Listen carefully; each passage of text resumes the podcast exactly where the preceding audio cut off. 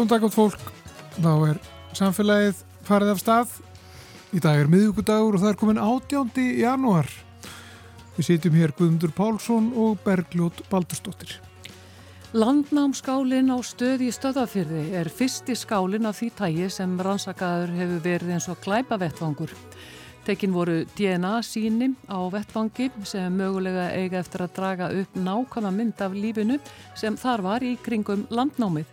Við ræðum við Bjarnar F. Einarsson forlega fræðingum rannsóknirnar og líka um bátinn í Þingvallavatni sem hann óttast að liggi nú undir skemdum. Það var hlína á landinu núna í lokvikunar og það heldur resilega. Það má jafnvel gera ráð fyrir 20 gráðu hitasveiflu sumstaðar og rigningu eftir langan kuldakabla með bruna gatti víða. Einar Sveinbjörnsson viðfræðingur hjá Blíku ætlar að fara betur yfir það sem er í vændum í veðrinu. Og svo ætlum við að tala þessum svansvottun nýbygginga með tilliti til rakaskemta og miklu. Bergþóra Kvaran er sérfræðingur hjá umhverjastofnunum. Við ætlum að spjalla hana á eftir. Málfarsmínútan verður á sínum stað og svo kemur hingað Edda Olgudóttir eins og alltaf á miðvíkudöfum og þessu sinni ætlar hún að fjalla um D-vitamin. En byrjum á fortlefum.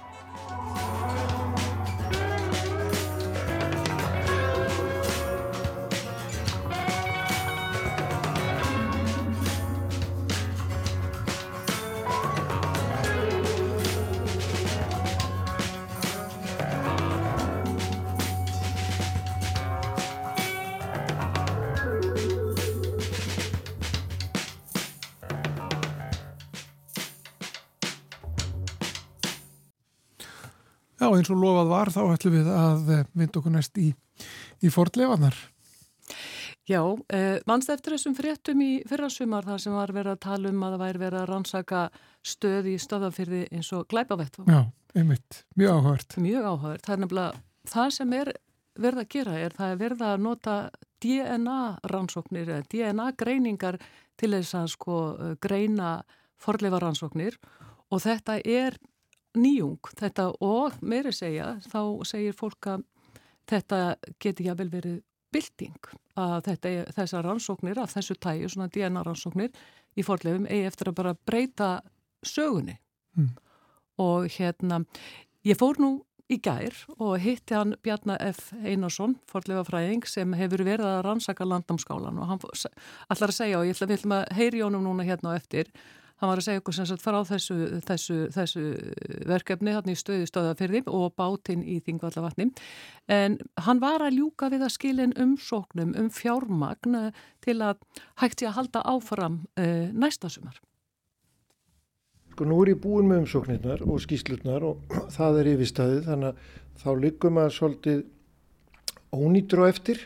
Þetta er álag sem sapnast upp og svo 10. januar þá dettur allt í dúnalogg Þannig að nú er ég að skrýða aftur upp úr hólunni og nú hefst svona vonandi tveggja mánada tímabil þar sem ég fæ að stunda skriftir og ekkert annað. Hvað er það? Þú erst eins og þá búin að vera að setja inn umsóknir fyrir Já. næsta sumar mm. og ef við byrjum kannski aðeins á bátnum í Þingvallavatni sem að við sögum frá fyrir nokkur árum, mm. kannski fjórum jáfnvel, að væri þarna onni í vatninu og jáfnvel að það þyrti að taka hann upp mm.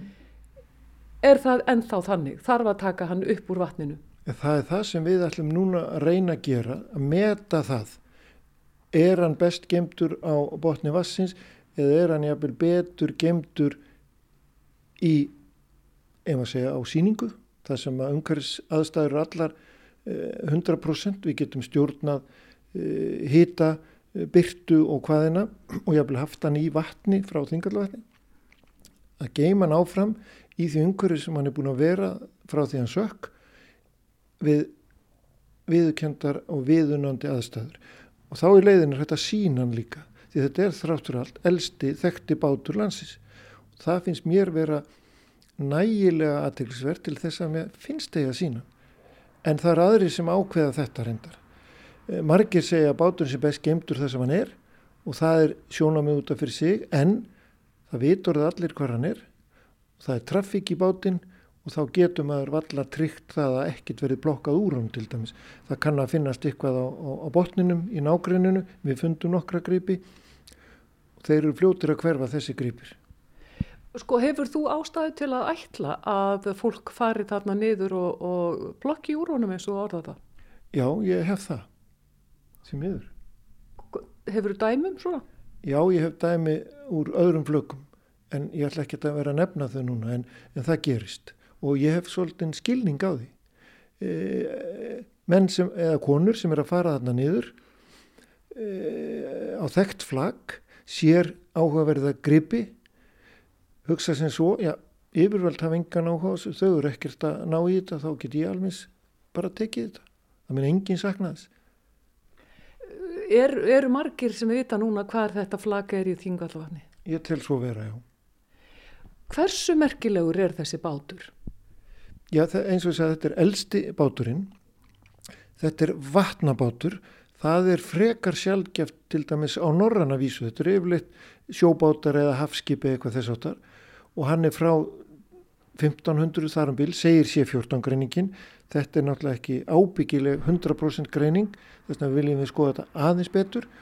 En síðan frá því um 1500, frá þeim tíma þegar menn eru virkilega að nýta öll vötn landsins, síðan dinur yfir ákveðin ógjafa nokkru setna, það er að segja móðuherðindin og þess aftar og þá kann ímislegt að hafa breyst. Er þetta velsmíðabátur? Já, mér finnst það að þetta sé völundarsmíð. Það segir okkur það að Íslendingar kunnu alveg að smíða sína eigin báta og jafnvel sína eigin skip sem voru haffar.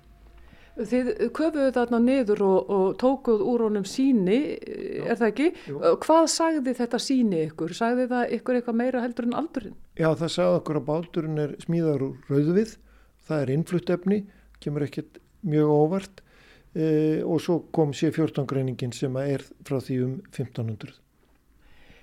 Sko, hvað segir þetta okkur um sko, þessi bátur á Þingvallavatni? Menna, það var greinlega verið að nota hann þar. Já. Hvað var verið að nota hann þar? Verið að veiða, það teljum við líklegt. Því að ekki langt frá bátnum fundum við ákveðna gripi sem við köllum stokka. Það eru svona e, sett á net til þess að veiða fisk.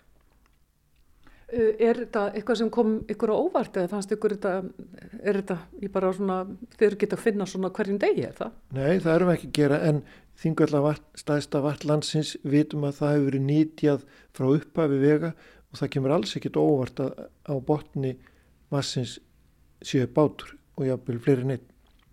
Og hvað hafið þið þá sótt um e, og hvert? Sko? Hvað, hvað þurfið þið mikinn pening til þess að halda áfram með að gera eitthvað? Já, ég ætla nú ekki að vera að nefna tölur en, en það er dýrt að kafa.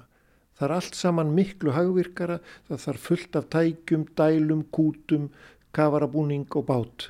Og jáfnvel ef við ætlum að gera eitthvað mikið þá þarfum við riksu, soga burtu leðjuna og flytjana einslangt frá okkur og við getum svo að vatni verði ekki gruggugt. En það sem okkur langar fyrst og fremst það er að ljósmynda bátinn verulega nákvæmlega til þess að gera þrývítarmótil eftir.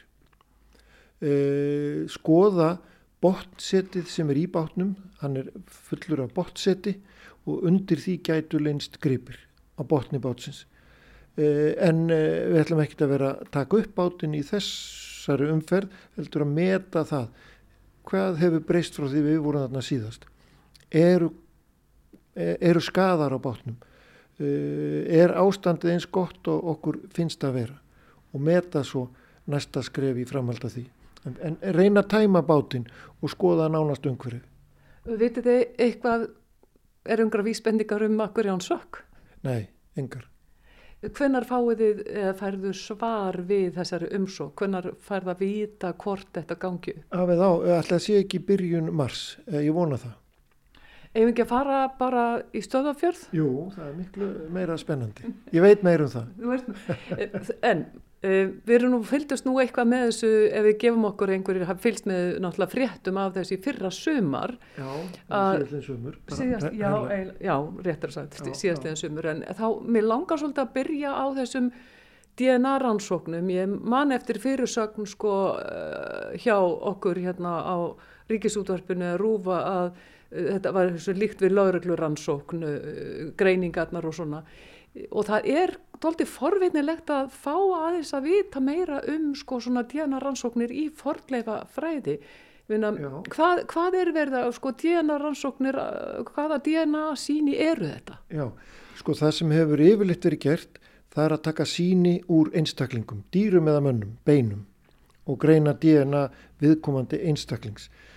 Við erum ekki með neina manneskjur ennþá í stöð en það eru komin fram nýjar aðferðir sem oftast er, kallast e-DNA en væri á mental DNA eða total DNA hefur líka verið notað og það byggir á því að við tökum eldri skálan okkar og hann er meðhöndlaður eins og glæpavettvangur. Við þurfum að undirbúa hann og svo megum við ekki koma þar meira nálagt og menn fara síðan inn á svæðið og taka óteljandi síni hér og hvar úr skálanum. Hver sína tökustadur mertur, austur, vestur, smiðja, eitthvað annað.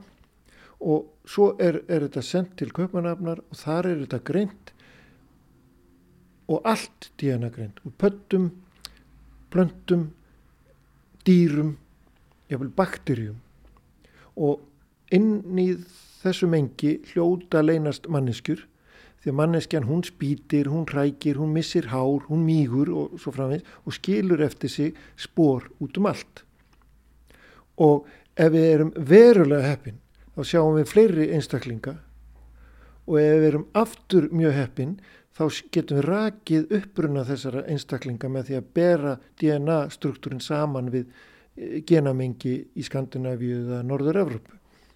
Þannig að möguleikarnir eru nánast ótakmarkaðir en við erum ekki alltaf heppin. DNA getur verið mismunandi ástandi, getur verið miservitt að, að, að greina það en eitt þurfum við þó ekki að hræðast og það er smitt frá okkur sjálfum.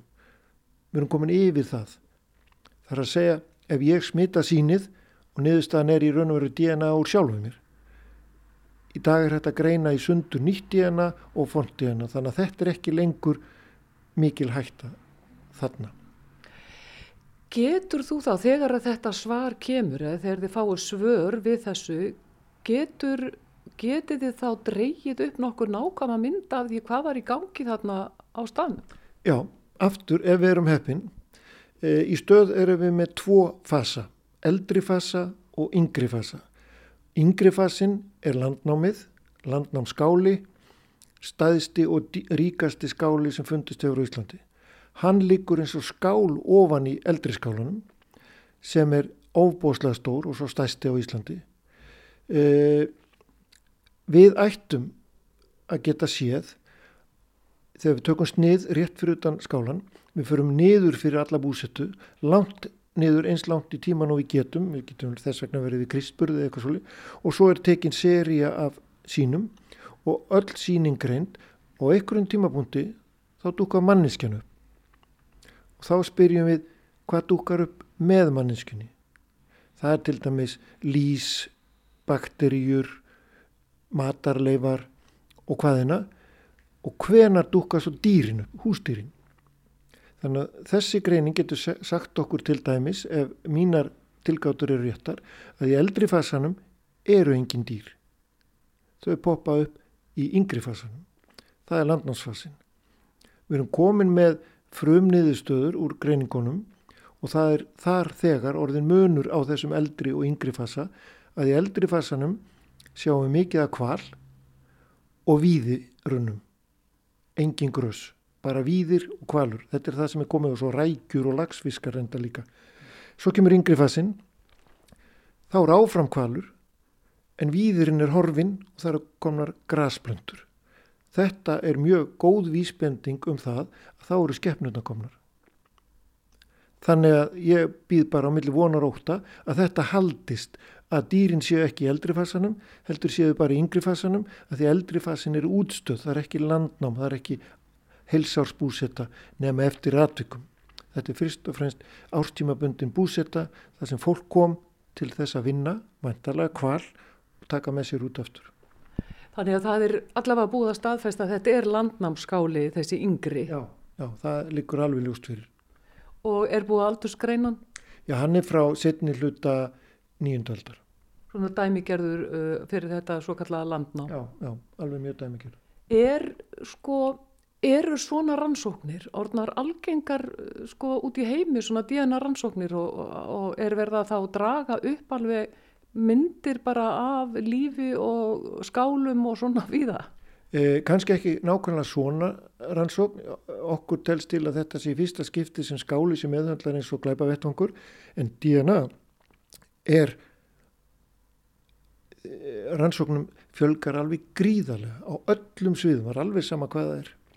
Gríðarlega framtíð í DNA Hversu sko auðvelt er að svo greina þetta? Hvað tekur það langan tíma og svona og hverjir er að greina Já. þetta fyrir ykkur? Ég náttúrulega veit ekkit hversu auðvelt þetta er en það eru sérfræðingar, líffræðingar, DNA sérfræðingar og það tekur tvö ári í þessu tilviki.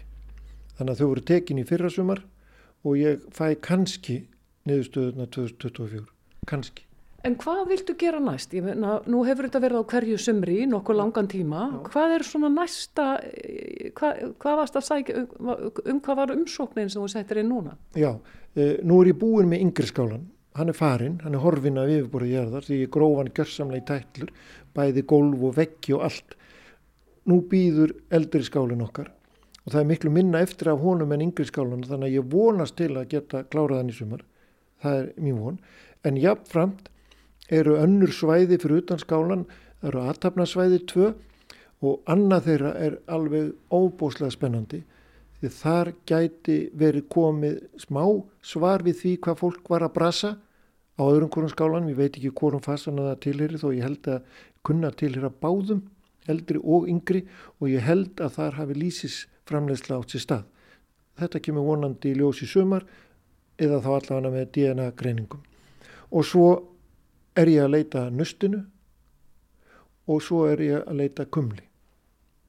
Þú átt alveg von á því að það sé eitthvað slíkt þarna. Já, ég færi ekki á staðan nema að ég væri samfærður. Svo kemur bara ljós hversu eh, rétt svo samfæring er. En eh, vitandi það að yngri fasin er höfðingjabíli, fyrna ríkt á íslenska mælikvarða og bara sæmilega ríkt á skandinaviska mælikvarða, þá er kumlið væntalega mjög ríkt. Hefur þú grunn um stað Já, sem þú segir náttúrulega ekkert frá? nei, nákvæmlega. En uh, ég man eftir uh, umræðu um uh, að það hafi ekki komið neitt rosalega mikið, mikið fjármagn í þetta í fyrra sumar, er það ekki rétt? Það var í einhverju, ég googlaði þetta og fekk það upp eina fyrir sögn. Hvað unniði lengi fyrra sumar og hvað er þetta að gera það vonur um að geta unni mikið næst? Ég gat, eða við gatum unnið þrjár vikur í fyrir sumar með því að vera mjög, mjög ábyrðarlaus í fjármálum. Það er að segja bara borga þetta sjálfur. Eh, Ég vonast til þess að geta unnið allavega fjórar vikur á fullu blasti í sumar. Mér hefur fundist ég heyra svolítið svona inn á það hjá fordleifa fræðingum að, að það sé ekkert, ekkert mikið um fjármagn. Eh, Er, er þetta, hefur þetta verið vestnandi staða bara svona ef við förum aðeins yfir það í lokin? Já, henni hefur rakað því að sjóðurinn hefur ekkert stækkað í mörg, mörg ár. Þannig að hann hefur rýrnað náttúrulega og upphæðin er alltaf þær sömu sem þýðir það að, styrkurinn hefur rýrnað en svona hefur þetta alltaf verið frá því ég byrjaði fórlega frá Íslandi og ég eiginlega kann ekkert annað og nenni ekki að væla mikið en þetta er svolítið til skammar. Ég eh, ætlaði nú að spyrja þarna áður en að þessu kom að hvað, hvað var það sem kom þér mest á óvart þarna stöð, í stöðafyrði? Það er svo rosalega margt sem komur óvart. Það er fyrsta lægi ríkidæmið, það kom rosalega óvart. Fundaflóran kemur mér mjög óvart og svo náttúrulega að það sé þarna skáli ofan í skála. Það kemur svolítið óvart. Akkur kemur það á óvart? Er ekki alltaf að byggja ofan á byggingar? Njú, nei, það kemur, nú því ég veit að þá kemur það mér ekkert óvart en, en ég var svolítið hissa þá því að ef skáli er ofan í skála þá dregum maður gerna rángar álíktanir og hún er svo að eldri skálinn er yfirgefin en þá þarf fólkið að búa ykkur starf annar staðar á meðan það er að byggja nýja skálan því að það býr ekki í gamla skálan eða er að byggja nýja skálan ofan yfir sjálfsig en svoleiðis var það ekki þarna það kemur eigða eða eh, hugsanlega mjög stutt eða reyndar og gamli skálinn er að hluta til nýttur og byggður upp aftur Ok, bara þá held ég að þessu sé bara nokkuð lokið hérna. Takk kærlega fyrir Já, að fá að hérna, koma og, og pumpa þig. Já, takk fyrir sumleið. Alltaf gaman. Sæði Bjarni F. Einarsson forlega fræðingur uh, og það var Berglut Baldurstóttir sem talaði við hann. En á eftir þá ætlum við að gá til veðurs og heyra í einari sveimbjörnsinni veðurfræðingi. Það eru miklar breytingar framöndan. Uh, Hita, sveibla, mikil og ryggning með tilræðandi hláku, meiru það til smástund.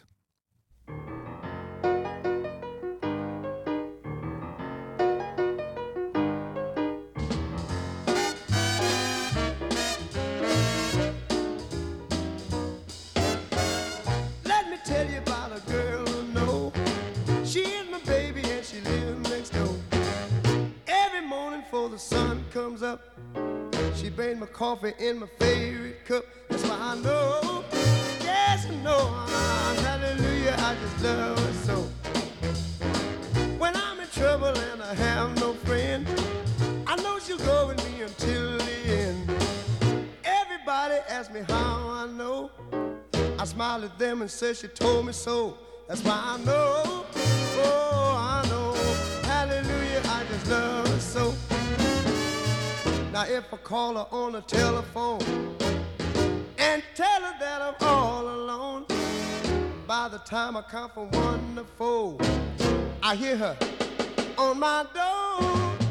In the evening when the sun go down, when there is nobody else around, she kisses me and she holds me tight and tells me, Daddy, everything's alright. So I know, yes, I know. Hallelujah, I deserve so.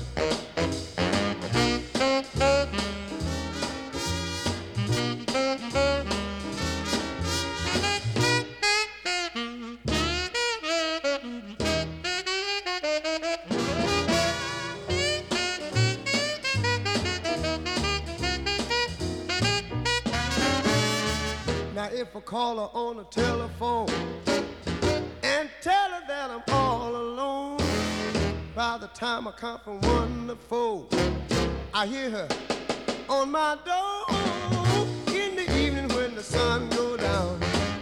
When there is nobody else around, she kisses me and she holds me tight and tells me that everything's alright. That's why I know, yes I know, hallelujah, I just love, oh hallelujah. Don't you know?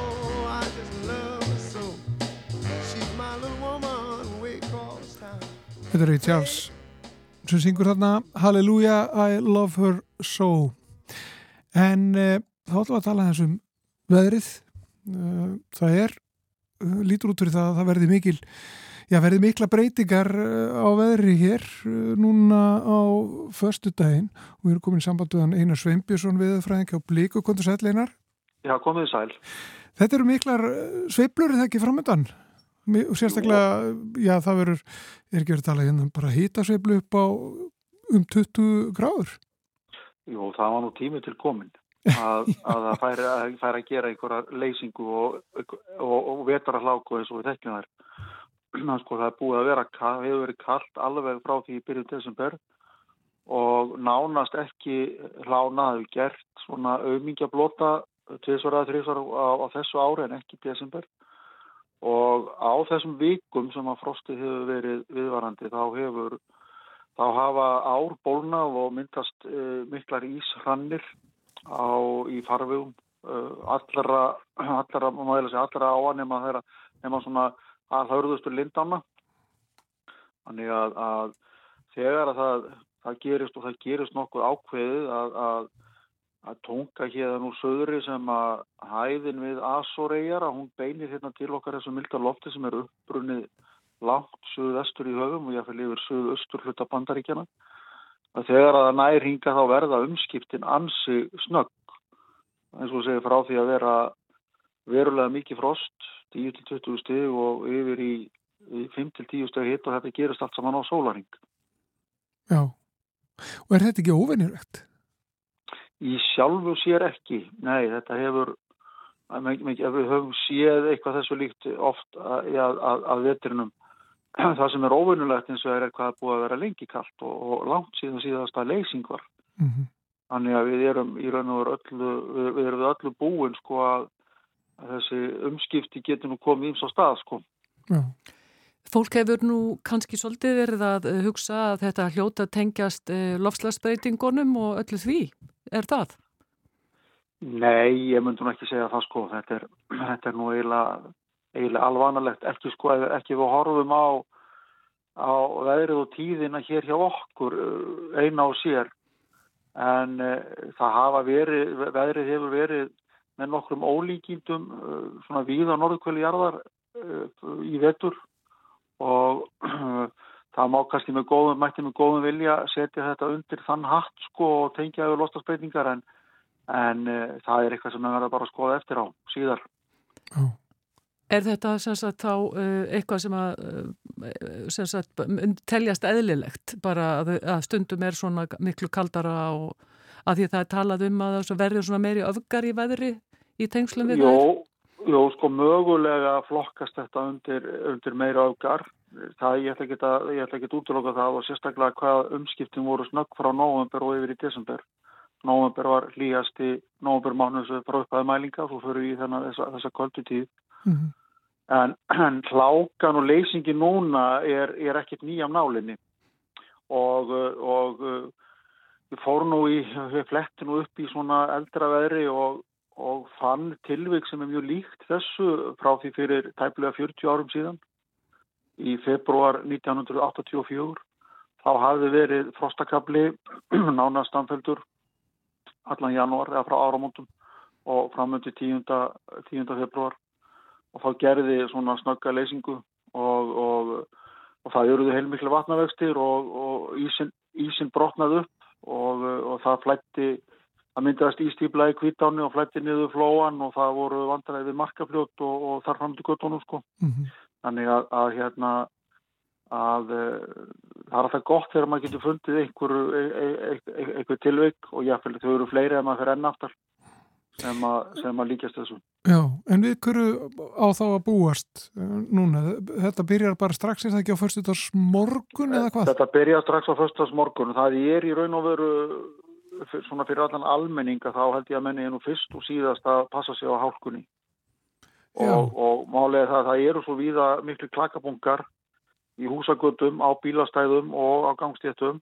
Og á fyrstöldagsmorgunum verður þar að auki um Suðvestnæverð landi talsverðu vindur, sko alltaf því stormur.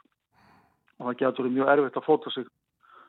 Og hérna og það er sem sagt um, um, um, um morgurinn og, og síðan, hérna, síðan berst þetta yfir landið og veðrið sunnan og vestanlands það, það lagast eftir hátegi, þar að segja að það lægir en það heldur áfram að hlýna og það er gert ráð fyrir því að hittin geti farið alveg hæglega í 8 til 12 stig á lálendi og 10 til 12 fyrir norðan.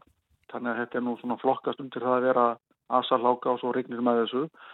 En svo er, svo er þetta annað það er svo sem er hamrað á því í fjölmiðlum undarfarið að, að það er ekki nóg að reynsa, reynsa frá niðurföllum það þarf að tryggja það að vatnir henni tilvera og, og hérna huga svona að vassleifum við hús og það er aldrei gott að fá svona vatn inn til sín bæðir það það er kvimleitt og svo er þetta líka ekki tjón, með, tjón vegna ofans, það er ekki tryggð.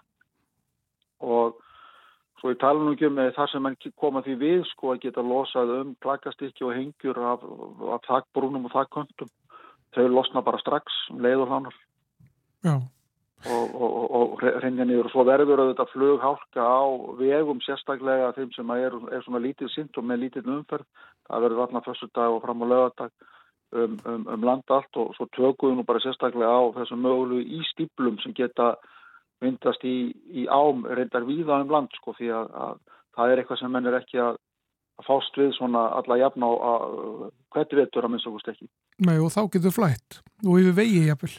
Já, það, já þetta, það, er, það er þannig sko að, að það er mjög lítið í öllum ám eftir svona mikið frost og svo þegar það fer að rigna á brána þá liftist eh, vassborðið og, og, og rýfur með sér ísinn og ef það gerist ofarlega þá, þá hrannast heilu ísbreyðuna niður eftir farveginn og geta myndast íblur. Uh, þá, þá, þá, þá fara, fara árnar að renna eitthvað annað að gera venjulega. Af því að þú hefur nú svona fylst með þessu svolítið tíma áttu vona á því að, verði, sagt, þetta verði meira heldur en hefur áður verið, flóð og, og skemmtir sem að, af þessu er að því að nú er mikill ís allstaðar. Já, það er eiginlega ómögult um að segja sko. Það sem hjálpar okkur er að, að þetta stendur ekki lengi. Stundum þarf láka að standa í 2-3 daga til að svo hún fara að leysa sérstaklega gamla snjó og gamlan ís En á móti kemur er að, að, að þetta, er, þetta er mjög snörfleysing og það er hlýtt í kjarnanum. Þannig að það er, það er, eiginlega, það er eiginlega alveg ómögulegt að segja hva, hvað verður. En það er alveg klart að við fáum eitthvað í fangið sem við áttum ekki vona á. Það er nú yfirlega alltaf þeirra svona gerist. Já, einmitt. Og, hvena, og hvað tekur svo við? Verður svo, kólnar aftur, kólnar svona mikið aftur? Já, sko það, það verður róast á lögadaginn. Það er nú útlýtt fyrir að það verði tíða áfram allan þann dag, allavega á lálendi og síðan fáið heimsækir okkur svalara loft hér úr vestri með jæljum. Það verður hér yfir landinu sangvann spám á sunnudag og, og það getur daldið hérna eindregin jæljagangur um vestanverðlandi og, og þá setur snjó niður aftur sko eftir mm -hmm. lesingunni hérna vestanlands og, og svo óljóst hvað gerist eftir það og það getur þess vegna komið komið hérna, get, geti það svona komið aðrir blótar eða þá að þessi vestanátt verði eitthvað, eitthvað viðvarandi fram í vikuna. Einmitt. Einar Sveibjörnsson, þakka þér kærlega fyrir að vera á línunni og, og fara við þessi mál með okkur og við bara bendum fólki að fylgjast vel með það sjálfsögðu og gera ráðstafanir eins og það getur. En takk kærlega fyrir þetta. Takk.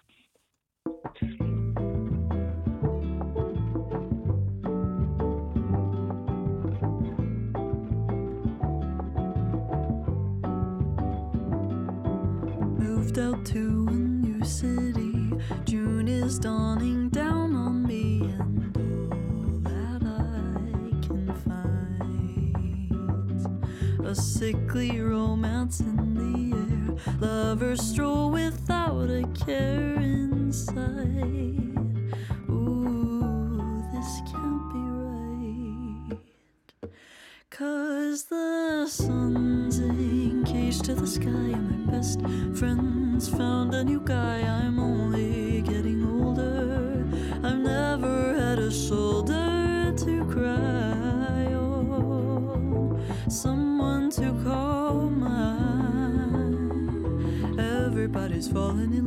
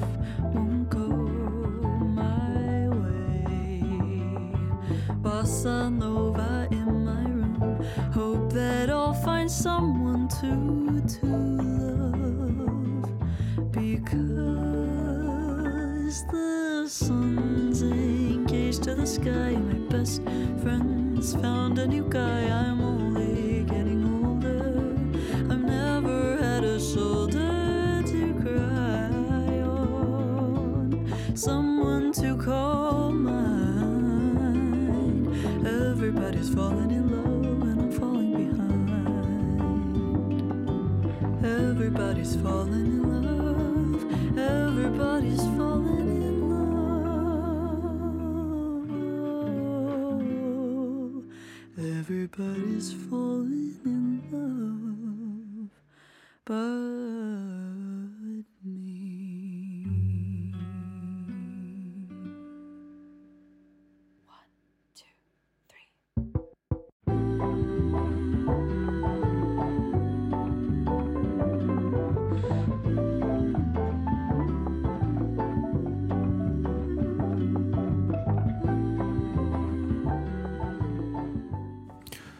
Var Laufey og lag sem heitir Falling Behind. Við ætlum á eftir að uh, tala við hana Þetta er Olgudóttur og fá málfarsmínútu. En uh, fyrst þetta. Við heyrum alltaf reglulega að tala um uh, miklu í húsnæði og bæði íbúður húsnæði náttúrulega en líka kannski sérstaklega undanfarið í skólum og leikskólum þetta er mikið vandamál og um, byrjast svona stundum tóldi koma koma fólki óvart þó það ætti kannski ekki að gera það, ég veit það ekki. En hún er sérst hérna hjá mér Bergþóra Kvaran sem er sérfræðingur hjá umhverjastofnun, verður velkominn til okkar. Takk fyrir.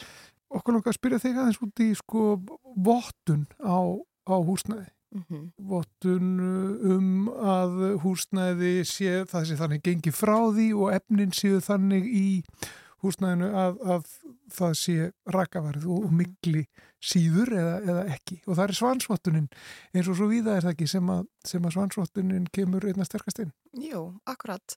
Um, það er hægt að svansvota bæði nýbyggingar og endurbætur og svanurinn tekur á rosalega mörgum uh, þáttum eins og hann nefnir. Orku útreikningum, dagspyrt útreikningum en rakavörnum er mitt líka og rakaforvörnum og það er svona, þetta er svona eiginlega eina mikilvægastu kröfunum hjá okkur og, uh, og þarna eru við þá í rauninni að leggja áherslu á að fyrirbyggja að, að þetta komi upp uh, og það er gert ymitt með eins og segir vali á byggingarefnum þannig að við séum að velja rétt byggingarefni inn í til dæmis votrými.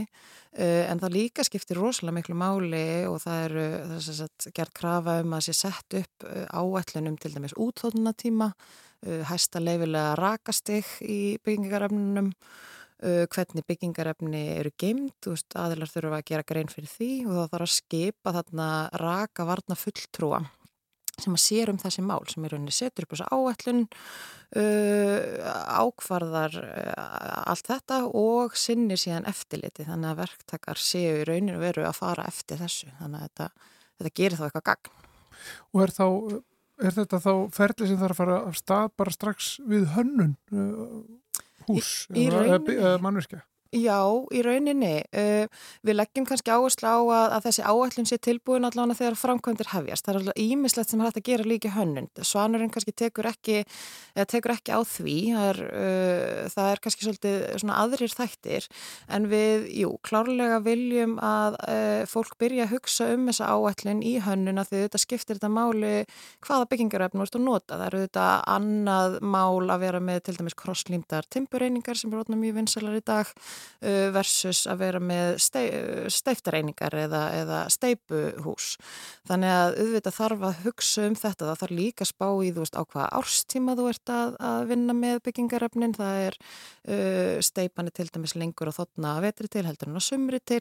Þannig að það er svona ímislegt sem þarf að hugsa úti en svo er bara rosalega mikilvægt að þessi áætlun sé tilbúin þegar að framkvæmdir hefjast. Þannig að það verði unnið alveg nákvæmlega eftir henni uh, út allt framkvæmdarferlið. Já, en hvernig, hvernig fer þetta þá fram? Hva, hvað er fyrsta skrefið í, í, í þessu ferli ef fólk vill uh, að, að húsnaði sé svansvota? Um, þá uh, almennt koma bara aðeinar til okkar uh, á svona kynningafund fyrst og við hérna förum í gegnum ferli með, þeir eru kannski svona alltaf svona spá í hvort þau vilja fara í þetta.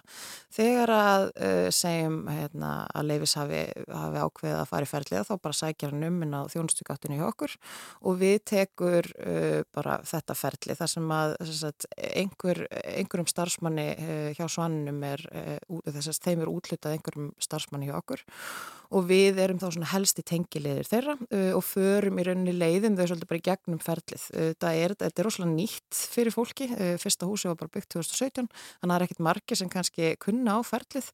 Uh, þannig að við erum algjörlega til að leipina og, og funda með þeim uh, eins, eins og þarf og síðan í rauninni bara eins og á hönnunastígi og á framkvæmdu ferlinu þá byrjar uh, aðilinn að senda einn gögn og, og er að því alveg þanga til að uh, verkefninu líkur þannig að þanga til að bara byggingin er tilbúin og, og þannig að þeirra öll gögn leikja fyrir að þá er vottunin í rauninni uh, komin eða Já. þá veitu við vottunina. Og hún tekur til mjög margra þátt að Mhm. þessi, þessi vottun eins, og, eins og við erum eiginlega farin að þekka. Já, hún gerir það nefnilega og þetta er líka spurningum bara að hérna, vera með góða verkferðla varðandi gæðastjórnun á byggingatíma hann að það er líka lögð áherslu að allt fari rosalega vel fram og það er náttúrulega eitthvað sem skiptir líka máli í rakavörnum að fólk vinni bara vel saman og það séu skýrir verkferðlar að allt, veist, fólk viti bara í rauninni að hverju það er að ganga. Þannig að svanurinn leggur líka mikið upp úr því uh, og svo eru þetta líka bara það er verið að hérna, stjórna öllu byggingarefni sem fer inn í bygginguna uh, það sé allt samþygt eða, eða hérna, vottað og þá erum við að skoða sagt, efna innihaldið í, í þessum byggingarefnum og hvort að það sé í lægi að þegar við viljum, það er mjög mikil áhersla lögð á uh, innivistina sem að náttúrulega raki og mikla getur haft líka gríðarlega áhrif á uh, að því við viljum í rauninni að fólk sem að annarkort býr eða, eða lærir í svansvötu um húsum að það sé ekki að anda að sér óæskilegum efnum annarkort frá byggingarefnum eða frá of miklum raka. Þær reglur og þetta umhverfi sem að hefur verið í gildi sko, mm -hmm. ef þú ætlar ekki að vera með mm -hmm. bara reynilega svansvottun á, á húsinu sem þú ætlar að byggja eh, duga það ekki til? Af hverju erum við að sjá aftur og aftur mm -hmm. og mhm. aftur koma upp jáfnvel í bara nýlegu húsnæði rakaskemdir og miklu og fólk er að, að verða fyrir bara heilsu tjóni af þessu öldum. Nákvæmlega. Það er góð spurning. Um, Sko ég held að máli sé að þetta er svo flókið. Það eru, um, það geta komið upp gallar út af alls konar þáttum. Það getur verið hönunagalli, það getur verið galli í framkvæmdinni, það getur verið lélegt viðhald á húsinu og svo getur þetta verið allt frá því að bara að notandin eða íbúin er ekki að lofta nógu vel út. Ég held að stærstu þættinir séu þetta með kannski framkvæmdatíman og viðhaldið uh, og þá svona kannski það sem að uh, maður hefur heyrt oftast er þetta með að byggingarefni ná ekki að þotna nægilega vel áður en að það er uh, lagt til dæmis skólvefni bara yfir steipu. Það er bara mjög alvarlegt mál og getur haft alvarlegar uh, afleðingar með sér eins og við höfum séð og en, það, og, en þetta Þetta, það þurfa í rauninni bara allir að vinna svolítið saman því það er, sko, verktakar eru oft undir mikill í tímapressu hvort sem, sérst, frá kannski verkkaupa það er þarna verið að setja upp ok, byggingin þarf að vera tilbúin á þessum tíma og skiljanlega, það er dýrt að byggja en það er líka dýrst að þurfa að, að gera þetta ofsnama og, og enda síðan í rakkatjóni eða miklu í framtíðinni. Þannig að það er kannski þarf svolítið að endur hugsa þetta að ef þú ert til dæmis að byggja á ákveðnum ástíma þegar byggingarefni eru bara lengur og þotna þá þarf bara að gefa sér meiri tími það og það þarf bara að áætla það í rauninni til að byrja með Og það er náttúrulega það sem þessi áætlun okkar gerir. Þegar við sættum okkur í raunin ekki við sem að, þar sem við sjáum að þarna er útþórnatíminn bara ekki nægilegur. Þannig að, og þetta eru þetta ekki byggingarreglugjörðum, þetta er ekki neinum reglugjörðum, um, þannig að uh, það er ekkert eftirlit með þessu, það er enginn sem segir þú átt að gera þetta svona, þannig að þú ert ekki að umhverja svota hús, uh, að þá, þú veist, þá er þetta bara hægt að gera þetta um, allavega og þetta vill enginn lendi í þessu en, en uh, já, ef að hraðin er of mikill uh, og, og, hérna, og það er bara ekki vanda nógu mikið til verks þá getur þetta greinilega komið fyrir já. Og það þarf kannski ekki mikið út af að bræða það, það, það, það er kannski bara eitthvað lítið aðriði sem að klika. Já, það gæti nefnilega verið það og þetta líka, er þetta alveg flóki mála, það er kannski, það er annar útvarnatími fyrir steipu uh, og timpur, þannig að þetta er svona, það þarf líka bara þekkinguna til staðar, þannig að það, uh, já, ég held einmitt að enginn ætli sér þetta en, uh, og einmitt oft bara, hérna, eh, rakastíðir bara aðeins yfir að þá er það kannski bara þá dugar það kannski til sko að anþess að já, ég þekki það nógu vel mm -hmm. En hvað með endurbætur á, á húsnæði? Er, er mm. þetta votta slíkt eða er eitthvað viðgerir í gangi til mm. dæmis í, í ofnbjörn húsnæði, skólum eða vinnustöðum eða slíkt? Er, er þetta að fá já, svona vottun á, á endurbætur? Já, það er nefnilega hægt og það eru þetta umhverju svo einasti kosturinn. Þetta viljum við í rauninni byggja sem minnst, við komst kannski ekki hjá því, en enda, endurbætur eru þetta það sem við viljum sjá í meira magni og það er hægt að svansvota endurbætur og þá uh, svanurinn samt uh, vottar aðeins ákveðna tegundur húsum, það er sérst íbúðir, skólar, hjókurunarheimili og skrifstofur en það er hægt að, að vota það og þá erum við líka að fara í rakavarnir og orkuútrekninga og, og það er verið að fylgjast með öllum byggingaröfnum og það er í rauninni bara svona, svona svipaður, svipaferli eins og þegar að nýbygging eh, er byggð eh, og votuð.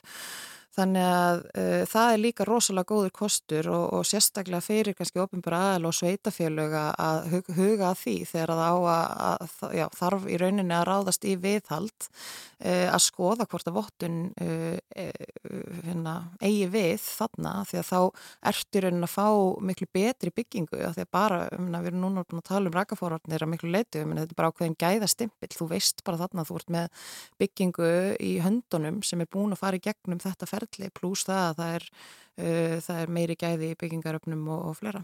Já, og það er þetta að skoða þetta betur á, á vefsíðun ykkar náttúrulega? Já, akkurat, það er satt, já, en á svanurinn.is uh, þá er þetta að fá allar upplýsingar og svo er alltaf þetta að hafa sambandið okkur. Já. Bergþór Kvaran, uh, sérfræðingur hjá Ungurstofnun, takk fyrir komuna í samfélagið. Takk fyrir.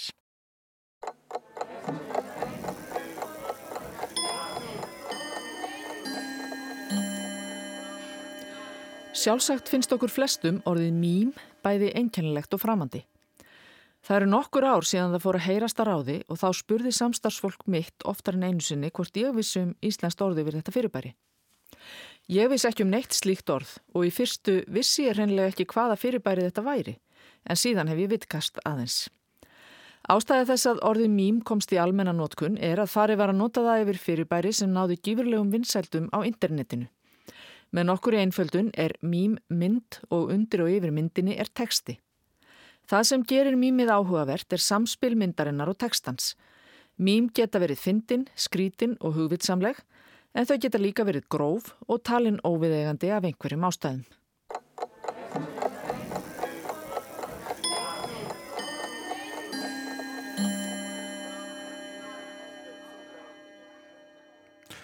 Það var Anna Sigriður Þráhansdóttir sem að færið okkur þarna málfarsminútu.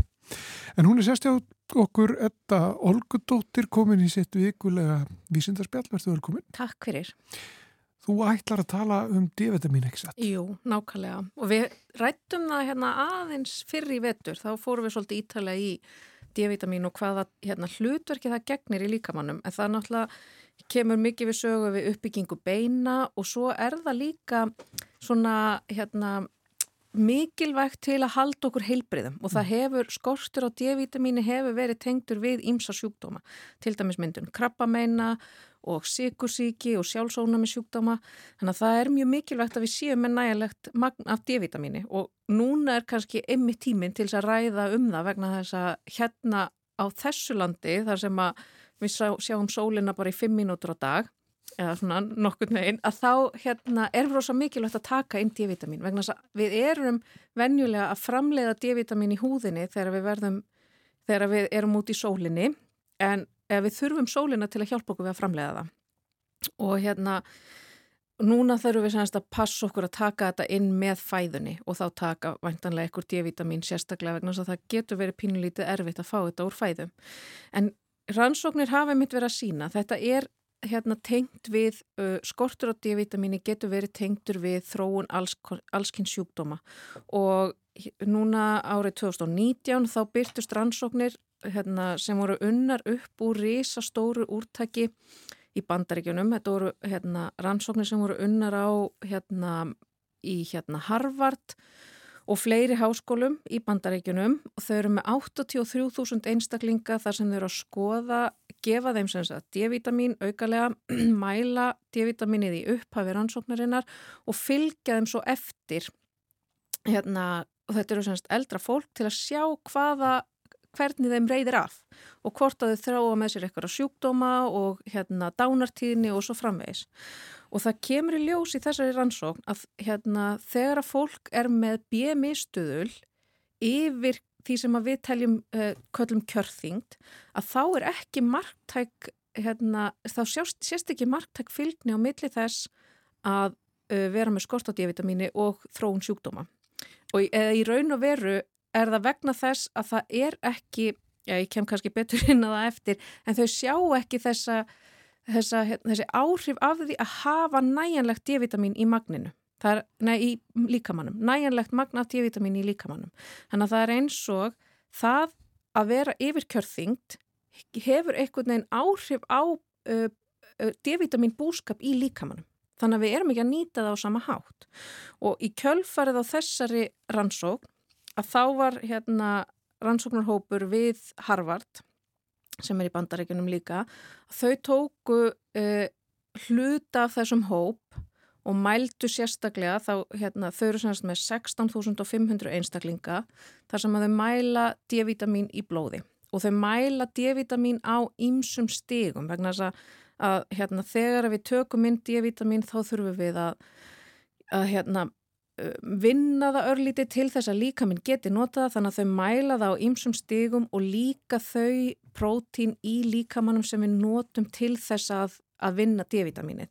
En þetta er svolítið flóki ferli og þau kannski mældu ekki alla punta en voru svona með nokkra stikkpröfur á þessu og svo er fólki skipt upp í hóp eftir því hvaða hérna, BM, hver þeirra BMI stuðull er og þegar þau skoða þetta á þessum 16.500 einstaklingum að þá kemur í ljós að D-vitamin magn í blóði er að meðaltali lægra hjá þeim sem eru með háan BMI stuðul eða teljast ekki kjörþyngd eða undir kjörþyngd og svo fylgja þau 3000 einstaklingum eftir, tæplega 3000 uh, og fylgja þeim eftir í tvö ár og eru þá að, að, hérna, að skipa þeim að taka D-vitamin aukalega inn. Þannig að þau eru að reyna að auka D-vitamin magnit hjá þessu fólki, fylgja þeim eftir í tvö ár og mæla þá aftur þessa sömu þætti í blóði og þá kemur í ljós að hérna, fólk sem er með BMI stuðul yfir því sem er kallast kjörþyngd að þar er aukningin marktækt lægri heldur en hjá þeim sem eru í kjörþyngd eða undir kjörþyngd. Sem að bendir svo litið til þess að uh, fólk sem er yfir kjörþyngd sé ekki að vinna úr D-vitamini á sama hátt og þeir sem eru í eða undir kjörþyngd. Og þeirra svona tólkun á þessu vegna þess að þau eru að taka stikkpröfur á ýmsum hérna, ýmsum stöðum í ferli D-vitaminsins er að mögulega er hérna, eru þeir sem eru með háan BMI stöðul að geima D-vitaminið á óvirku formi í fytuvef. En svo getur líka verið vegna þess að fytuvefur er náttúrulega ekki, veist, við lítum svolítið á fytuvef sem bara svona forðabúr og það er ekkit að gerast þar en fytuvefur er mjög virkur vefur. Og þar getur verið, hérna, sá vefur getur verið að senda alls konar skilabóð út, skilabóð út í líkamann sem að geta þá, hérna, geta líka leitt í þess að D-vitaminið stoppar eitthvað starf eða það er ekki verið að vinna það alla leið eða það er ekki verið að nýta það eins og við ættum að vera að nýta það. Og það er kannski það sem við ættum að, að skoða næst þegar við höldum áfram með þessa rannsók hvað er það sem að klikkar í ferlinu ef að, hérna, ef að þeir sem eru yfir kjörþyngd er ekki að ná að vinna næjanlega úr D-vitaminu hvað er að grýpa inn í til þess að D-vitaminu nýtist alveg potthjett Er þetta sko eina rannsók sinna tegundar eða hversu ábyggilegt er þetta? Nú erum við náttúrulega bara með eina rannsóknir mitt í höndunum og það er alveg rétt, það þarf að endutaka til þess að geta, hérna, til þess að geta þetta, eða til þess að geta, hérna, hvað segir maður, hérna, til að staðfesta þessar niðurstöður. Og þetta er samt ágætlega stórt úrtak vegna þess að þannig erum við upphæðið með 16.500 einstaklinga og, og hérna fyrir rannsóknin sem er verið að vinna þetta úr þar eru 83.000 einstaklingar. Þar sem að, þar að það sem við sjáum ekki að D-vitamin gefi fólki aukna, eh, aukna líkur á að þróa ekki með þessi sjúkdóma. En mér langar samt að taka það fram hérna vegna þess að BMI stöðul er svolítið svona viðkvæmt fyrirbæri og þetta er náttúrulega bara vísbendingar stöðul og ég mæli engan veginn með því að fólk fari núna að hérna, rekna út sinn BMI stöðul og, og taka D-vitamin í samræmi við það.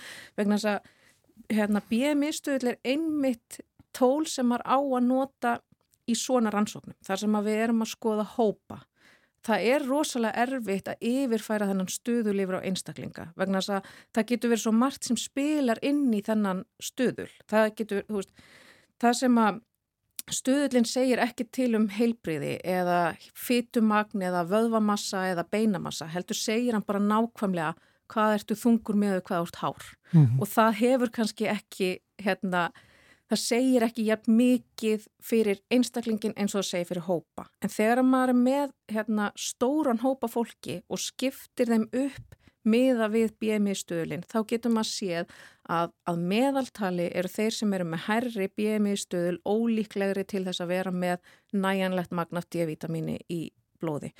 Og ég líka, hérna, áður en við hlaupum upp til hand og fóta, sko, þá þarf líka einmitt að staðfesta hvar er, hérna, hvar er D-vitamínið að stoppa?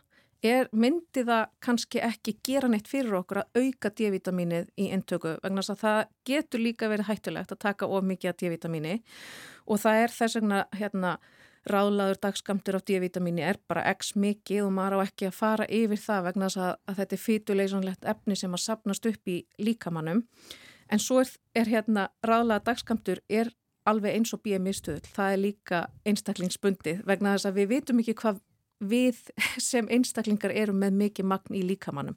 Þannig að þó að ráðlega dagskamtur sé x milligram eða mikrogram eða hvaða er, að þá þarf ég að vita hvað ég er með mikið í grunninn til að vita hvað ég átaka mikið inn. Já, og það getur, fólk getur líka verið, sko, það getur skort bíðvitamin og þá þarf að fara í meiri frekar eintöku ykkur og kraftmeiri. Já, nákvæmlega og þannig að það getur verið mismunandi mitt hvar maður er stattur á þessum tímapunkti, hversu mikið er ráðlagur dagskamtur fyrir mig. Já, einmitt. Þannig að það er líka, hérna, en það er, hérna, verið áhugavert að sjá hvað kemur meira út úr þessu vegna þess að D-vitamin er opbóslega mikilvægt og við erum alltaf að sjá það betur og betur að hérna, það þarf að hafa, við þurfum að hafa réttu tólinn í líkamannum til þess að geta varist sjúkdómum og þarna verður mjög áhugavert að sjá hvernig við getum svaraði ef að fólk sem er yfir kjörþyngd er ekki að ná að nýta þetta tól nógu vel. Um mitt. Þetta Olgardóttir, uh, takk fyrir komuna. Takk fyrir mig. Alltaf gaman að fá þig í heimsók. En uh, þannig ljúku við samfélaginu uh, mm. þennan miðgudaginn. Nákvæmlega. Guðmundur Pálsson og Bergljótt Baldur Stóttir, hvað er ég í dag? Verið sæl. Bless.